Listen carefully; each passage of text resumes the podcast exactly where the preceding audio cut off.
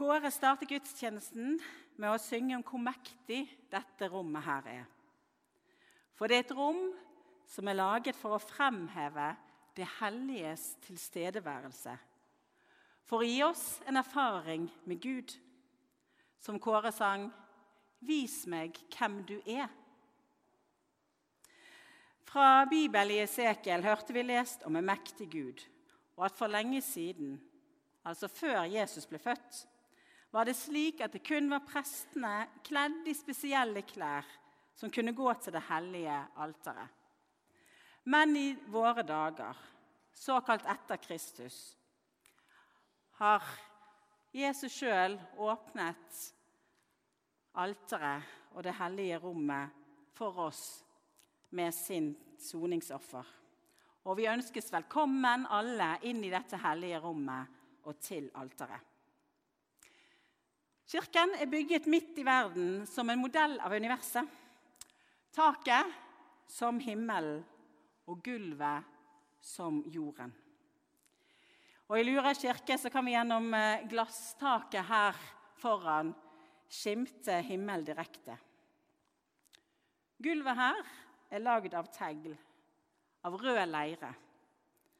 Rød som er jorden og menneskenes farge. Og kirken binder jorden og himmelen sammen. Og kirketårnet utenfor er et symbol på det. Trygt plassert på bakken der det står, men så strekker det seg opp, opp, opp mot himmelen. Og Lørdag 25. august i 1987 så ringte klokkene Tro, håp og kjærlighet i tårnet utenfor her i en hel time. For dagen etter var det høytidsdag med vigsling av dette rommet. Innvielse ved biskop Jørn Bue og Lura menighet vi kunne ta Kirken i bruk for alvor. Som det står i forskriftene.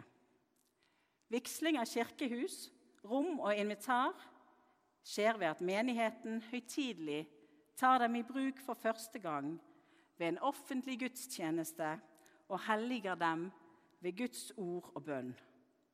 Fra da av er de reservert for bruk i menighetens liturgiske liv. Og Lura kirke er tegnet av Ingeborg Hoem og Knut Hoem. Og Gunnar Torvund han har laget kunsten. Og Det gjorde de med tanke på å fremheve og gi oss møter med det hellige, med Gud. Gud som er herlig og hellig og underfull gjerning, hørte vi fra andre Mosebok. Og hva finner vi i dette stjerneformede kirkerommet vårt som kan åpne for det hellige?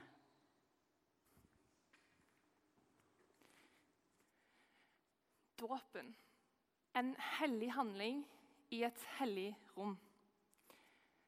Lokket på døpefonten med Den hellige ånd som kommer ned i ei due sin skikkelse.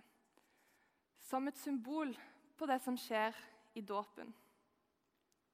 På noe som vi egentlig ikke helt kan forstå. En Gud som kommer til oss, og en Gud som er med oss.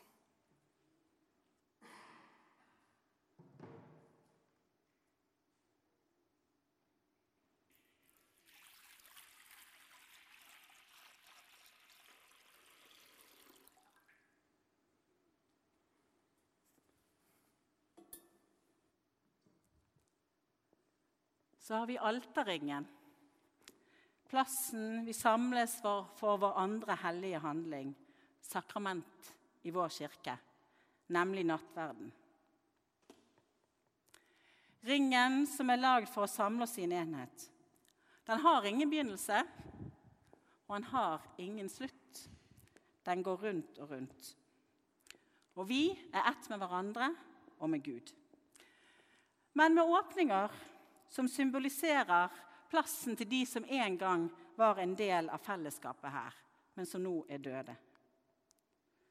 Også åpningene for nye inn i fellesskapet, sånn som dåpsbarna f.eks. For Forrige søndag var det fire barn som ble døpt her i Lura kirke. og de kom om bord i fellesskapet vårt. Og Det er symbolisert i kirkeskipet vårt med fire hjerter med dåpsbarnas navn på og dåpsdato. De er kommet om bord.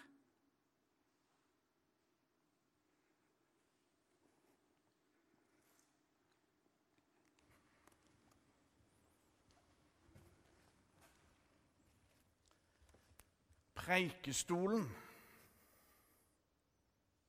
lagt og plassert her til formidling av det hellige budskapet, evangeliet, fra vår hellige bok Bibelen, Guds ord. Om vi ikke kjenner oss helt igjen i Bjørn Eidsvåg sin sang 'Jeg kommer', som Kåre sang helt i starten av gudstjenesten, så er vi i Lura menighet et fellesskap som liker å samles bakerst i rommet. Derfor har denne presten og andre forkynnere For min egen del jeg har aldri brukt denne prekestolen. For det blir så kolossale avstand.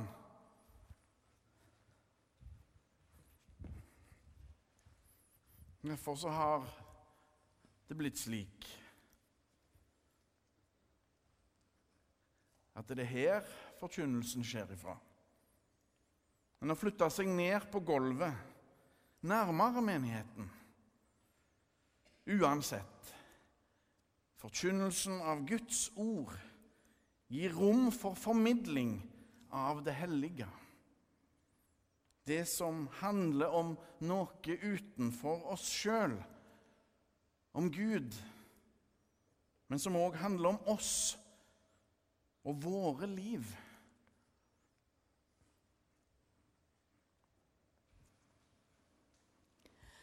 Jeg snakker ofte med Jesus om det som opptar meg. Både det gode som skjer, og vanskelige ting. Det er ikke alltid jeg føler jeg får svar på det jeg lurer på.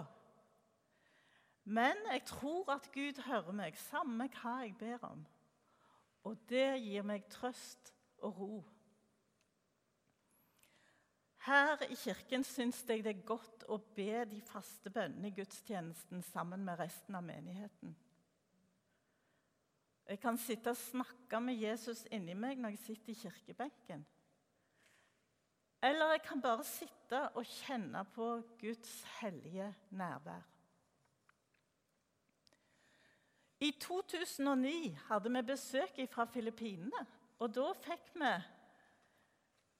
ei krukke i gave. Og denne krukka er i bruk i hver eneste gudstjeneste. Vi kan skrive eller tegne bønner og legge oppi krukken. Og mot slutten av gudstjenesten blir han båret fram til alteret og løfta opp til Gud.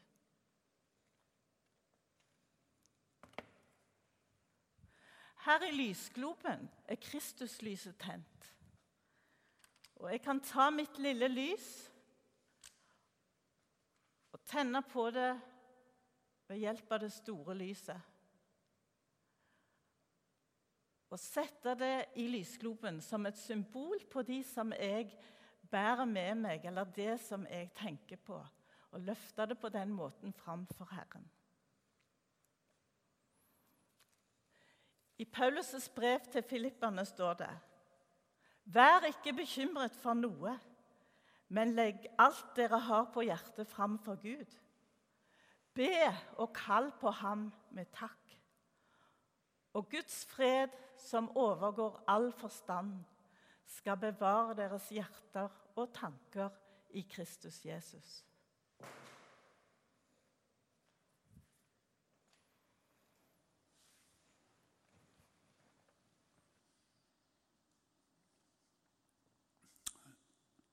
når jeg er i dette hellige rommet, så er det stunder der det er musikken som gir meg de helligste øyeblikk.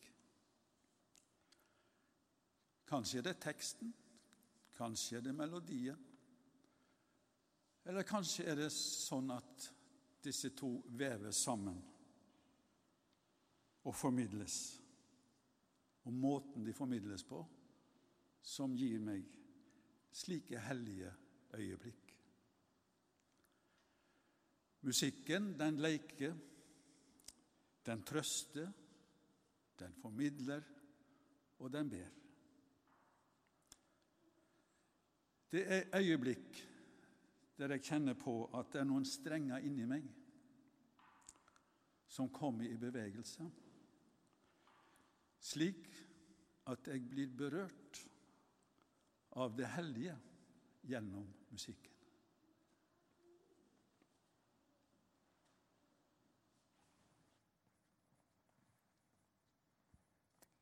Jeg liker å se på kunst. Hva ser jeg? Hva tenkte kunstneren? Alle ser forskjellig i bildene. Og jeg har sett på altertavlen mange ganger. Men hva betyr egentlig symbolene? Hva forteller det meg? Om Gud? Om det hellige? Noen liker altertavlen, mens andre liker den ikke. Og jeg tror alle her kan finne noe fra, alt, fra Bibelen på altertavlen vår.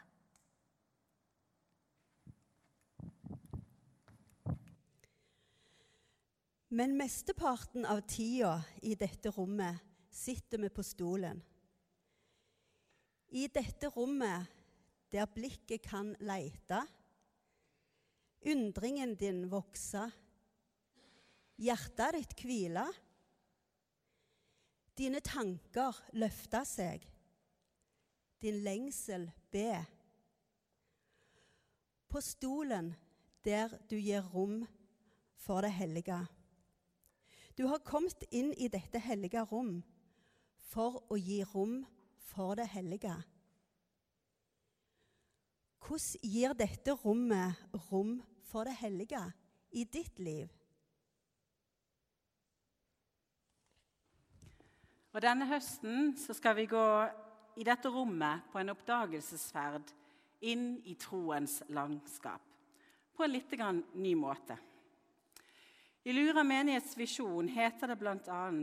at vi er en menighet preget av tro. Hva i himmelens navn er tro for oss i dag?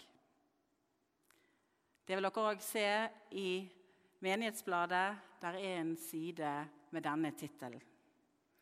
For gjennom 19 temagudstjenester frem til 10. mai så skal vi fokusere på ulike sider ved troen slik de kommer til uttrykk i de ulike leddene i gudstjenesten. For gudstjenestens ledd belyser troen vår. En tro som handler om livet. Nysgjerrighet, lengsel, takknemlighet, håp, verdier, smerte, sinne, spørsmål, minner hva har troen med ditt liv å gjøre? Målet med oppdagelsesferden er at du skal finne ut, eller bli, bevisst, bli bevisst, eller starte å undre deg over hva troen betyr for deg og ditt liv. Mange av dere har gjort det lenge og mye. Men vi trenger å bli bevisst på det igjen og igjen. Og hva betyr det utenfor dette rommet i vår hverdag?